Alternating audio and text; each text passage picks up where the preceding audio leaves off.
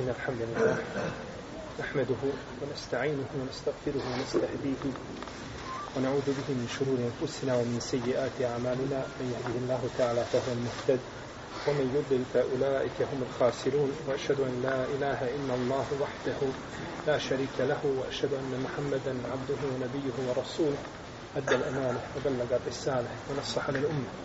كشف الله تعالى به الغمة وجاهد في الله حق جهاده حتى يتاه اليقين.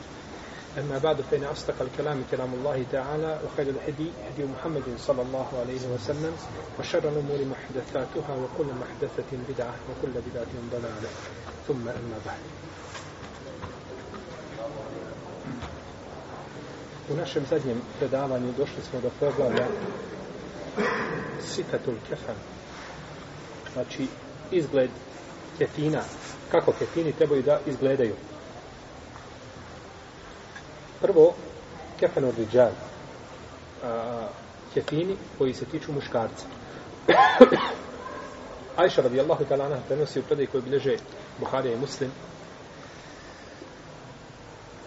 da je poslanik sallallahu alaihi wa sallam umotan u tri bijela platna tri bijela jemenska platna od vune a nije u tim platima bila košulja niti je bila kapa, odnosno pokrivač glave. Pa iz ovoga hadisa možemo zaključiti nekoliko propisa. Prvo, da kefini trebaju da budu bijele boje. I to odgovara hadisu poslanika sallallahu alaihi wa sallame koga bilježi imam Ebu Davud i Tirmizi koji ima različite puteve, pa je dobar inša Allahu ta'ala, ili vjerodostojan da je poslanik sallallahu alaihi wa sallam rekao ili bi se mu fijabe komul bejal oblačite od vaše odjeće bijelu odjeću.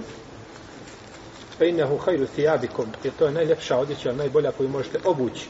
O kefinu fiha meutakom i u istu tu odjeću misli se na bijelu umotavajte vaše umrle.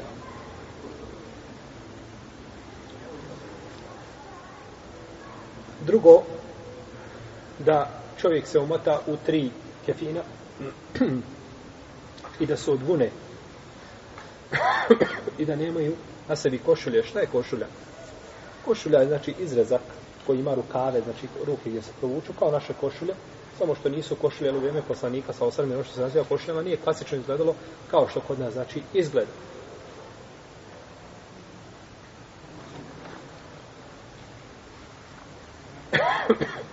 No, međutim, ako se napravi košulja, znači da se izrežu prostor za ruke i da se onda to obavi oko mejta, neće ni to smetati.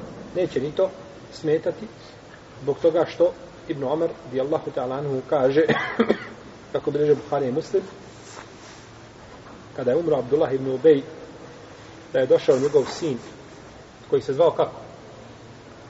Abdullah. Abdullah ibn Abdullah ibn Ubej ibn Salul. Sin koga? Veličeg munafika. Pa je došao kod poslanika sallallahu sallam i rekao Allahu poslaniće daj mi svoju košulju da ga umotam u nju. I klanjaj mu dženazu i traži mu oprosta. Pa je poslanik sallallahu osvijem dao mu svoju košulju da, je u, da ga umota u nju. I čak su neke predaje navodi da ga je spustio u kabur i slično tome. Hadis je, znači kod Buhari kod muslima nema sumnje u njegovu vjerostojnost. I to je bilo, vallahu ta'ala alam, prije zabrane da se munaficima klanjaju klanja dženaza. S jedne strane, jer je poslanik sa osam znao njihova imena, a mi ne znamo. Pa stoga mi se prema munafiku ophodimo kao prema šta? Prema muslimanu.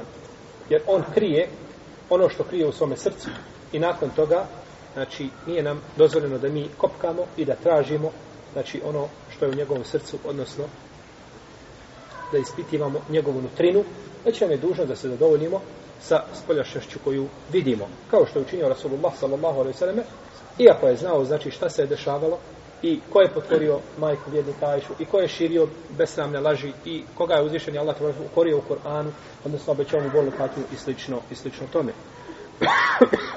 Peto, da taj kefin ili, odnosno jedno platno od kefina da posebi ima pruge. Da ima posebi pruge kako je došlo u hadisu poslanika sallallahu alaihi wasallame, koga bilježi imam Ebu Davud i bilježi ga njegovim putem imam El Bejheqi jel imam El Bejheqi ovaj, nije nikada vidio sunen Tirmizije je Imam al-Bejheqi nikada nije vidio sunen Ibn Mađe. Imam al-Bejheqi nikada nije vidio sunen En-Nesaija. Iako je došao nakon njih. Nego je vidio sunen koga? Ebu Davuda i od njega prenosi brojne hadise. Pa kada imate hadis u sunen Ebu Davuda, uglavnom se taj hadis može naći kod koga? Kod imama El Bejhefija, jer je njegovim putem prenosio hadise, iako nije bio njegov šejh direktno, jeli, budući da je umro prije njega a, nepunih 200 godina. Kaže poslanik sa ozvom ome hadisu od džabira, kada od, neko od vas preseli, umotajte ga u kefine koji imaju duge. Dalje, da se ti kefini namirišu. Da se ti kefini namirišu. I ovdje je autor spomenuo hadis poslanika sallallahu alaihi wa sallame koga bileži imam Ahmed ibn Abi Shaybe i drugi sa dobrim lancem prenosilaca da je rekao Iza ađmertumul mejt fe ađminuhu thalatha kad budete mirisali mejta onda ga namirište tri puta namirište ga tri puta a isto tako znači E, jedan od načina mirisanja kako kažu islamski učenjaci da se uzme kefin i da se pospe vodom znači da se pospe vodom i da se nakon toga zapali nešto u obliku miska koji gori i koji pritom jeli, daje lijep miris. Pa se taj kefin nanese, budući da je vlažan, tada voda upije jeli, taj miris ili dim, da kažemo, koji miriše i onda tako kefin ostaje dugo vremena šta? Osjeti se, znači, lijep miris, prijatan miris se osjeti iz tog kefina. To je jedan od načina, iako ovo nije došlo u sunnetu poslanika, sa osreme jasno, ali došlo šta? Ali, ali je korist od toga vidna. I mirisanje, kako god da ga namirišeš, šerijat je to otvorio. Nije rekao namirište ga šta? Na ovakav i na ovakav način. Pa i god šerijat nije ograničio, ne smijemo šta, ni mi ograničavati. Nego to je ostavljeno otvoreno. Jer kazali smo više puta da je svako ograničenje otežavanje. Pa se znači miriše na takav način i kažu islamski učenjaci šta je mudrost mirisanja, kažu čovjek se za vrijeme života mirisao. I lijepo je da čovjek ima ovaj lijep miris na sebi kada dolazi u džamiju i kada je u svojoj kući Ha? Jer kaže se u hadisu Ajša radijallahu ta'ala da bi poslanik sa osvijem prvo što je radio kad ulazio u svoju kuću koristio bi šta? Misvak. Znači radi lepog mirisa. I uvijek bio na njemu lijep misk. I čak kaže Ibn Abbas, ovaj, ja se uljepšavam svojoj ženi kao što se ona meni uljepšava. I to je došlo vjerodostojnim putem od njega. Pa islamski učenjaci to koriste ili kao dokaz da je čovjek lijepo da se uljepša svojoj ženi. Znači ne samo kad izlazi napolje, nego da i kući bude u lijepoj odjeći, znači namirisan i slično tome, koliko je, koliko je u mogućnosti. Jer kako je god odboj na čovjeku žena, od koje se osjeti neprijatelj miris, tako je i ženi muž. I to je priroda čovjeka. I zato se čudim čovjeku koji dođe i sa vrata sjedne, a cijeli dan radio teške fizičke poslove, znoj se čuje sa njega i nije otišao kupačom se okupa. Pa čak ako treba svaki dan se kupa, nikakve smetje u tome nema. Jer koliko je znači, brakova dovedeno u pitanje radi neprijatnog mirisa iz usta, radi tog neodržavanja higijene i sl. tome.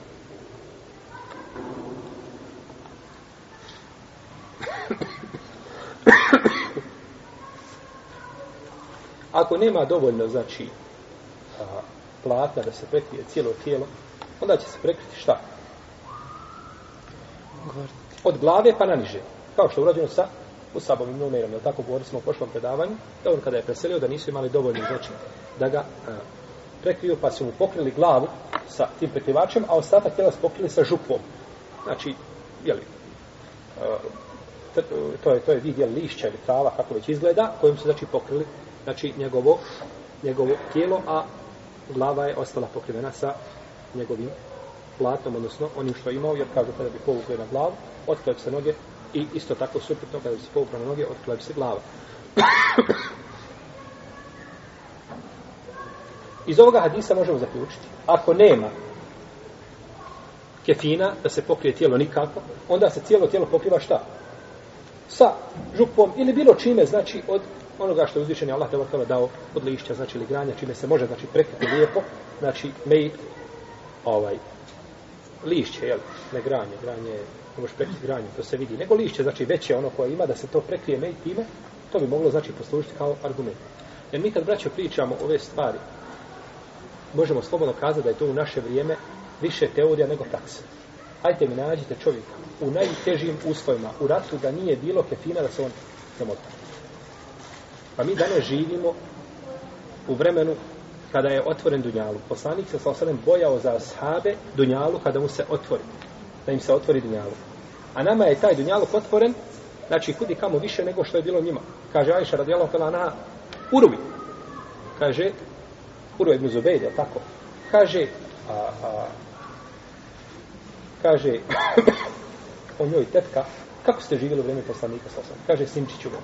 Prolazio je jedan mjesec. Pa, drugi, pa treći ne bi se upalila vatra u kući poslanika sa osam. Pa kaže, kako ste živjeli, tetka? Kaže, el esvedan, et temru wal ma. Od dvije stvari, dvije crne stvari, misli se jeli na datule i vodu. Živjeli smo, kaže, od datula i vode. I možete misliti, nije to samo bilo, znači, u vrijeme a, života poslanika, sallallahu sallam, kada je on ovaj, a, živio u Medini, u miru. Nego je bilo tako u, u, u vremenu kada su izlazili bitke. Jedne prilike su odredili, kako došlo od Isu Džabira, Ebu Ubejdu ibn Đaraha odredio je poslanik sa osam kao vođu a, izvidnice. Pa su krenuli, kaže, poslanik sa osam dao im jednu mješinu ili jednu posudu koje je bile dature i voda. I kaže, to imamo. Pa kaže, Ravija, kako ste, Džabiru, kako ste živjeli, kako ste išli? Kaže, jedan bi od nas stavio datum ispod jezika i sisao bi je kao što djete sisa svoju majku. Cijeli dan. I najveće popiješ gutla I to ti je danas. Dovoljno, nije dovoljno, to je tvoja stvar. Dobio si to i snađi se. Znači, i tako izlaze gdje? U bitku izlaze, hodaju po pustinskim, znači ovaj, a, ovaj prostranstvima, po velikoj žegi, pa onda je dok nisu našli a, Ambera ili Kita, je poznato kao, je li priča je poznato kod muslima pa mi danas, hvala Allahu za ođel, imamo, znači, bar osnovne one stvari, insan ima, znači, ovaj, a, ima ih, jeli, pri sebi i ovakve stvari rijetko, rijetko da se dešavaju. Ali, zašto su fakihi ovo spominjali? Zašto se fakihi, fakihi toliko muče ako nema ako nema znači ovaj kefina kako će se ukopati ako nema dovoljno imetka kako će a znamo da to svako ima danas to se lako pozna zato što nam to ukazuje da su ljudi u, u prošlosti ovaj da su patili od ovoga problema i da je problem siromaštva bio jer je poslanik sa osrema rekao znači ko krene sa putem vjerovjesnika neko očekuje siromaštvo da bi ga moglo znači zadržati na tome putu pa ovaj uh, iako uh, u šarijatu nema nema jasnog argumenta koji hvali glad. Pazite, koji hvali glad. Ima, hvali tegoban život. Ali glad kao glad nema. Pa ako te uzvišeni Allah te bar to iskuša, ti ćeš se strpiti, no međutim nije čovjek dozvoljeno da kaže Allah, dragi, iskušaj me glađu, a poslanik sa se utjecao Allahu za uđelu vjerodostojnom hadisu od gladi.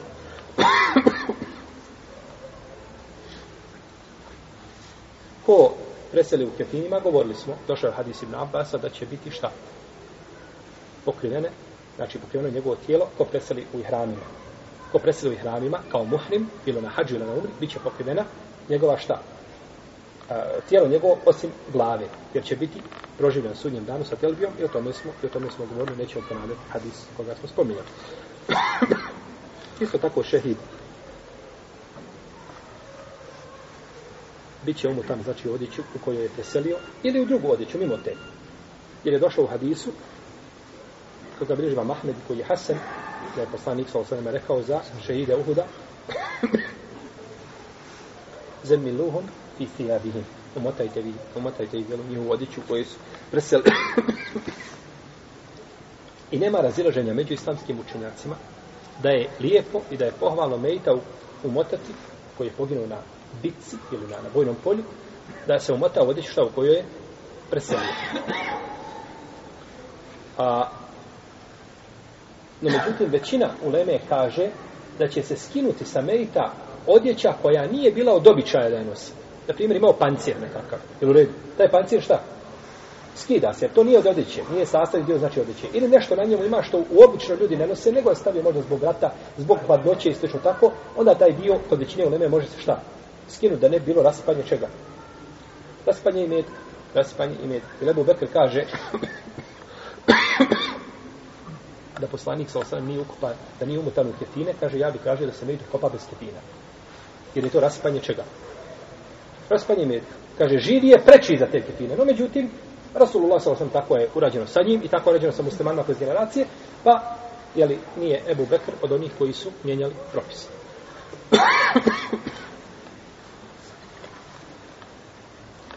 Dokaz da je e, šehida mustahab ukopati u, u, ili ga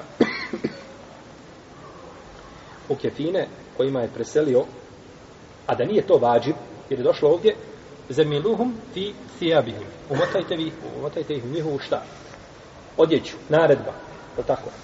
E sad, šta je dokaz da ta naredba nije za obavezu, nego bi bila dobrovoljna? Dokaz je predaja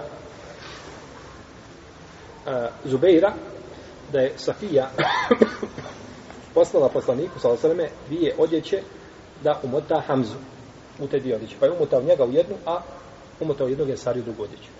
A Hamza je preselio kao šehid. Pa je znači poslanik sa osrme ovdje uradio i ovaj hadis je sahih kod imama Ahmeda i kod drugih.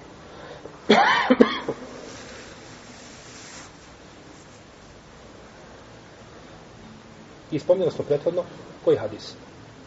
Ko zna? Musaba ibn Umeira. Kako je preselio? Ko šehi? U redu. A kako je umotan? Umotan je sa jednim platom koje je prekrilo. Sve znači do nogu, a drugo je prekreno sa župovnim lišćima. Što se tiče kefina žene, one su kao, znači, odjeća žene, kada je u pitanju mrtva žena na motavanje kefina, je ista kao odjeća muškarca. Ne razlikuje se u globalu. Osim što većina islamskih učenjaka smatra da se žena umotava u petodijelnu odjeću. Znači, u principu su isti. A, e, jeli, ovaj, umotavanje se nešto razlikuje. to je došlo u hadisu Lele bil Duqa'i Fekafije da je kazala, bila sam od onih koje su gasulile čerku poslanika sallallahu alaihi wa sallam, ili umu kulthum. Pa je poslanik sa osrem stojao kod vrata i dodavao nam jednu po jednu odjeću. Tako da je dodao, znači, pet tih dijelova kojim se umotava, jeli, mejt. I način umotavanja, ome su opšteno govorili u knjizu dženaze, znači, pogledat, naći tamo, znači, opširno objašnjeno, da sada ne idemo u ove detalje, znači, kako se omotava muškarac, kako se omotava žena. Kaže Ibn Muzir, većina učenjaka od kojih sam čuo ili zapamtio, kaže, smatra da se žena ukopava, odnosno da se umotava u petodijevnu odjeću. A, jednostavno iz razloga što žena na ovome dunjaluku ima šta? Znači, više odjeće na sebi zbog aurata koji ima u svome tijelu nego muškarac. Opet kažemo šta? Teoretski kod mnogi, je tako? Trebala bi žena da ima na sebi više odjeće nego muškarac, jer je njen avret obilniji nego avret kod muškarca. Ovaj. Pa zbog toga treba, znači, da se umota u znači, odjeću, da se ne bi slučajno otkrilo nešto od njenog tijela, našto kažu budući da je muškarci nose, da je spustaju kabur i ovaj pri nošenju da ne bi slučajno se otkrilo nešto njenog tijela, ako je umotana u manje od toga. Iako je vađib, iako je vađib da se umota u koliko? Molim? Ja. Pet. Malo drugo mišljenje. Jedna. Malo drugo. Tri. Nije više puno ostalo. Ćemo glasati. Umotava se u jednu braću. Zato što je vađiv da se prekrije šta? Kad kažemo da je mejta obavezno umotati u kefine, onda ga je obavezno prekriti kefirima. U redu. Sa koliko postižeš prekrivanje? Da kažemo da plato nije prozirano. U redu. Sa koliko postižeš? Sa jednom. To je vađi, To se mora u protivnom mejt nije šta? umutavnog kefine. A govorio sam da umutavnog kefine šta? Fardu kifaje, da se to mora uraditi, protivno da se odgovornost društva muslimansko ili svako ko je mogao to da učini, a nije to, a nije to učinio. Isto tako znači propise žene posle smrti kao što bi za vrijeme života. I dozvoljeno je ženu umotati također u svilu. U redu. U neke fine jer je to bilo njoj dozvoljeno da nosi za vrijeme šta svoga života. Pa šta je dozvoljeno za vrijeme života? Dozvoljeno je nakon nakon života. Dozvoljeno nakon života nema argumenta koji bi zabranio, osim što neki učenjaci kažu, to je mekru sa strane raspanja i meta. Zato što su filovi kepini kudi kamo skupi, jel, ili skuplji od običnih, od pamučnih ili bilo kakvih drugih, pa onda kažu islamski učenjaci, ovaj preče e, radi neraspanja i metka da se da se met kopava u ketine koji su znači jeftiniji ili skromni. Hamlul dženazati otibava. nošenje dženaze i praćenje, praćenje dženaze. Došlo u vjerodostojnom hadisu, koga bliže Buhari i Muslim, od Ebu Horire, da je poslanik s.a.v. rekao da je pravo muslimana prema drugom muslimanu petero, a u drugoj verziji šestero. Pa je spomenuo a, da, da mu vrati selam i spomenuo je obilazak bolesnika i praćenje dženaze i da se pozove kada ga ozo, odazove, kada, da se odazove kada ga pozove na proslavu. Čovjek ima, na primjer, proslavu. Udaje se čirka I on te pozove. I na toj proslavi nema ništa što se kosi sa šerijatom. Znači čisto, znači po standardima šarijatskim. Ako se ne odazoveš, a možeš griješan si. A, nije više šta. Mekru si počinio, nego si grijeh počinio. Kako je došao od kod muslima? Ovaj, ko bude pozvan pa se ne odazove, tako da sam Allahe wa Rasula. On je nepokoran Allah i poslanik. Pa je vađib, znači odazivanje, šta? Na, na, na volimu ili na svadbu ili na, na nekakvu gozbu na koju te prozove brat musliman koja je znači čista od šerijatski znači propusta ili ovaj grešaka. A tako vrijedi i za druge stvari. Samo ovdje smo spomenuli, znači, jer, ovaj, uh, jer je došao poseban hadis vezano za ovo i kaže nakon toga da mu kaže jerhamu ke Allah kada pa kihne i pa kada zahva. došao u hadisu Ebu Sejid al-Kudrija da je poslanik sallallahu sallam rekao obiđite bolesnog i pratite dženazu. To će vas posjetiti na ahiret. To će vas posjetiti na ahiret. Islamski učenjaci su složni da se dženaza nosi na kaže se u fiksnim knjigama na vratovima. Misli se na na ramenima. Misli se na ramenima zbog toga što je rame blizu vrata pa je spomenuto znači ono zbog blizine vrata spomenuto je misli se na ramenima. Znači, nema razilaženja među lemom da se dženaza nosi kako na, na ramenima. I većina muleme smatra da je praćenje dženaze i nošenje dženaze, da je to sunnet. Da to nije važiv. Osim ako bi šta ostavili, svi to, onda mora, znači, to neko da uradi, a to u tome slučaju, jeli, druga priča, onda je šta? Pa Fardu kifaje, mora se mejtu kopati, jer ne može ga kopati bez nošenja. No, međutim, kažu, ovdje je naredba za nošenje, kaže većina uleme, a, naredba je da, da se nosi, znači, a, i slijedi, kažu, nije za obavezu, nego je za ustahab. Znači, ovo je jako bitno. Bitno je čovjeku da zna, znači, određeni hadis ili određeni ajet, kakvo značenje ima. Je li taj ajet dokinut? Je li nečim ograničen? Imaju li drugi, imali konsensus uleme koji kažu da to nije vađib, nego je sunnet? Jer ovdje ako je potvrđen zaista konsensus, onda konsensus može ograničiti šta? Hadis. Ili staviti ga van upotrebe. Jer je konsensus jači od pojedinačnog hadisa. Dođe nam hadis jedan koji kaže tako i tako. I ulema se složi da se ne radi po njemu, radi se suprotno njegovom značenju. Se može raditi po njemu. Ne smijemo, jer je konsensus, kao kaže imam šafija u svom djelu Risale i drugi, jači od pojedinačnih predaja. Ali zaista kada se šta potvrdi, konsensus, nijako je većina. Većina uleme ne mora znaći da je to da, da, da je to mišljenje jače, nego svi se složili, niko nije kazao suprotno i veliki broj papiha naveo konsensus na tome pitanju, nije poznato da neko spominjao razilaženje, e tada je pojedinačni hadis slabiji od čega?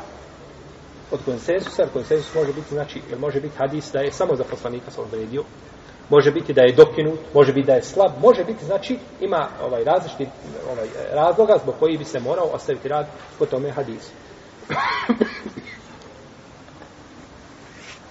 Jer, braćo, ponekad imamo hadise koji, koji kada bi mi spoljašnje tumačili i ne bi, ne bi gledali šta su islamski učenjaci govorili o njima, napravili su belaje velike.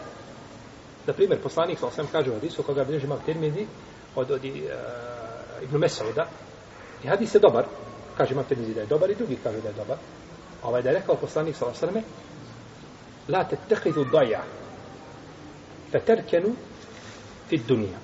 Nemojte uzimati baju, nemojte sebi to priuštiti, pa da se tako predate dunjalu. Šta je baja? To su nekretnine u šarijetu. Nekretnine, znači, kuća, ovaj, zemljište, u redu, stanovi.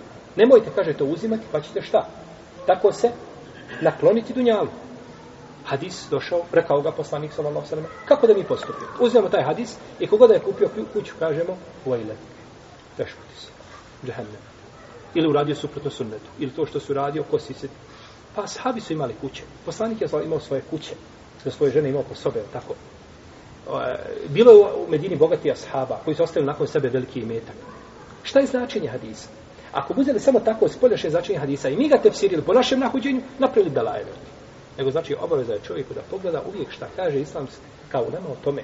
Jer svako mišljenje koje je ti kazao, a nije prije tebe niko rekao doleme, znaj da je baltil. Da je neispravno. Je nemoguće da niko to ne kaže, niko ne spomene 14 stoljeća i dođeš ti svjetlo 15. hiđarskog stoljeća i da kažeš ljudima, slušajte muslimani, ovako je djela. Stoga je znači jako bitno da se čovjek vraća na, na, na mišljenje islamskih učenjaka, na, ne mora znaš da je svako mišljenje ispravno. Ali kada uporediš mišljenja i vidiš značenja, kao kaže Ibn Hajar i, i drugi za ovaj hadis, kažu to je da čovjek nagomilava. Kupiš na jednom mjestu tri dunuma, pa na drugom šest dunuma, pa tamo kupiš stan, pa tamo to biš dvije kuće, pa tamo još kakav halu, tamo još kakav poslovne prostore. Nagomilost toga, to je put da se šta? Prikloniš čemu? Dunjavu. To je put da se... No, međutim, ima čovjek kućicu. Kako je poslanik sa osam prolazio pored sahaba, došao u redosunom hadisu i kaže, šta radite? Kažu, Allah poslanik, opravljamo kuću. Opravljamo kuću. Kaže, elemru esra zari. Kaže, bit će sudnji dan prije toga, prije šta opravljamo. No, međutim, nije rekao, pa dobro, to je uzimanje dunjaluka, pa ljudi znate šta radite, pa vi ste, ovaj, radite suprotno moju uputi, pa vi ste, nije rekao. Znači, hadis kada dođe u jednom svjetlu, mora se sagledati sa drugim argumentima i mišljenjima islamskih učenjaka i tek se onda donosi hokni propis. Stoga većina braća, danas ljudi koji su zalutali i otišli u novotariju ove one vrste, uzeli su jednu predaju, a zanemarili sve drugo što se govori o toj temi. Oni imaju dokaze, tačno. Svako, ima, svako može imati dokaze.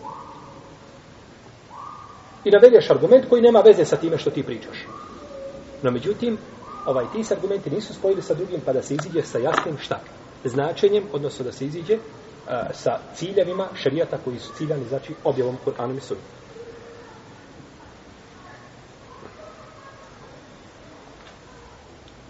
Prokazali smo onda šta da je da je praćenje sunnet osim da to ne obavi niko, onda bi bilo problematično. Jel? Nose, nošenje dženaze, kazali smo da je na ramenima, da je nošenje dženaze na ramenima.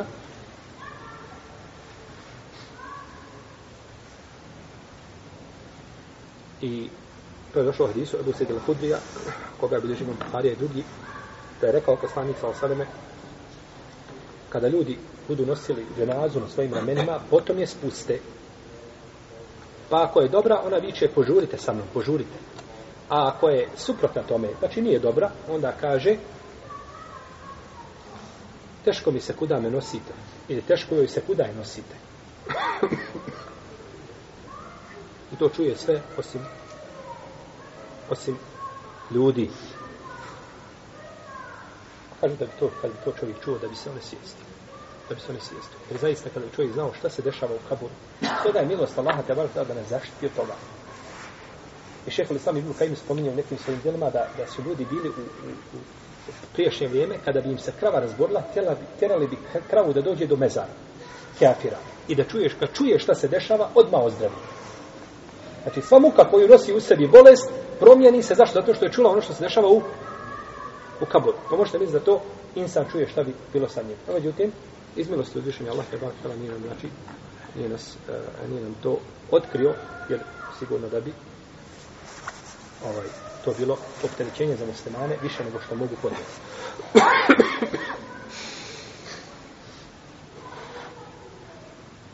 U ovome hadisu je dokaz da je da ženama nije legitimno da nose dženazu. Kako god da bilo, žene nose dženazu. Bilo da se radi o mejtu muškarcu ili ženi. I to je praksa danas i oko toga nema posebnog spora, jer to je jasno i vidno, jer žene ne mogu prvo to nositi. Kad nosila ženazu, kad digne svoju ruku na rame, bilo bi možda neminovno ili i velika vjerojatnoća poslije se otkrije nešto od stidnog mjesta, ali tako. Pa to rade muškarci i to je posao i to je posao muškaraca. I uz to se može dodati da žene obično kada bi išla u ženazu, to bi popratilo naricanje, koje je znači posebno rečeno ženama. Je tako? Rekli smo, žena koja umre, a nariče i ne pokaje se, kako došlo u hadisu poslanika sa osam kod Hakima i drugi, da će doći na sudnji dan, a imaće znači košulju od vatre ili odeće od, od, od, od, od katrana, oprosti. Od katrana, i da ju neće biti oprošteno. Tako je došlo u hadisu poslanika sa Allahom sallam. I u ome je također ovaj a, put ka spriječavanju miješanja muškaraca i žene. Jer dok su žene tu, a doći ćemo do pitanja, znači doći ćemo uskoro do pitanja, možda u narednom druženju doćemo do pitanja da žene prate dženazu. Kakav je propis? Je li to dozvoljeno ili je zabranjeno? Je li mekru ili je haram? Znači i, i kakav je propis? Jer baš iz bojazni da žene ne bi šta, ne bi naricale.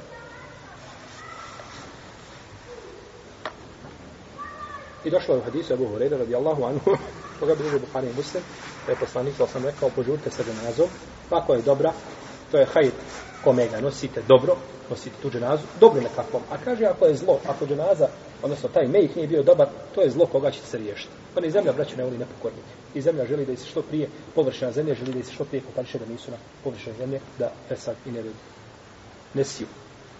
I ovdje, kada kažemo požuriti sa dženazom, misli se da čovjek hoda malo brže nego obično. Ha? Ne da se, ako smijemo kazati, srlja.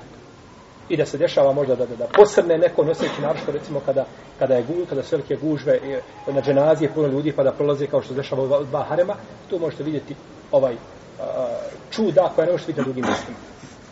Ove sam godine vidio nose dženazu i udari, znači ono, ono drvo što se nosi, ovaj, tabuta udari, znači dijete koje je bilo na vratu čovjeka. I on je vidio da je dijete udario ali on ne zna šta je, pa se okrenuo, kada ga je ovdje udarilo, odmah ga je obrlo na zemlju. Znači odmah je pao. To je zabranjeno, tako se može čovjek raditi ozljeda, može uzeti oko i tako dalje. Treba požuriti, no međutim, neophodno je sagledati šta? Okolnosti kuda žuriš. Pa je znači sunet požuriti, a govorili smo i ranije šta znači požuriti sa dženazom. Kazali smo da je to nakon smrti sa kupanjem i sa opremanjem i sa nošenjem, jer ne bi bilo posebno, znači, fajde ili koristi da se požuri samo sa, sa nošenjem dženaze, a otežeš i nastežeš sa njenim kupanjem ili umotavanjem u kefinu.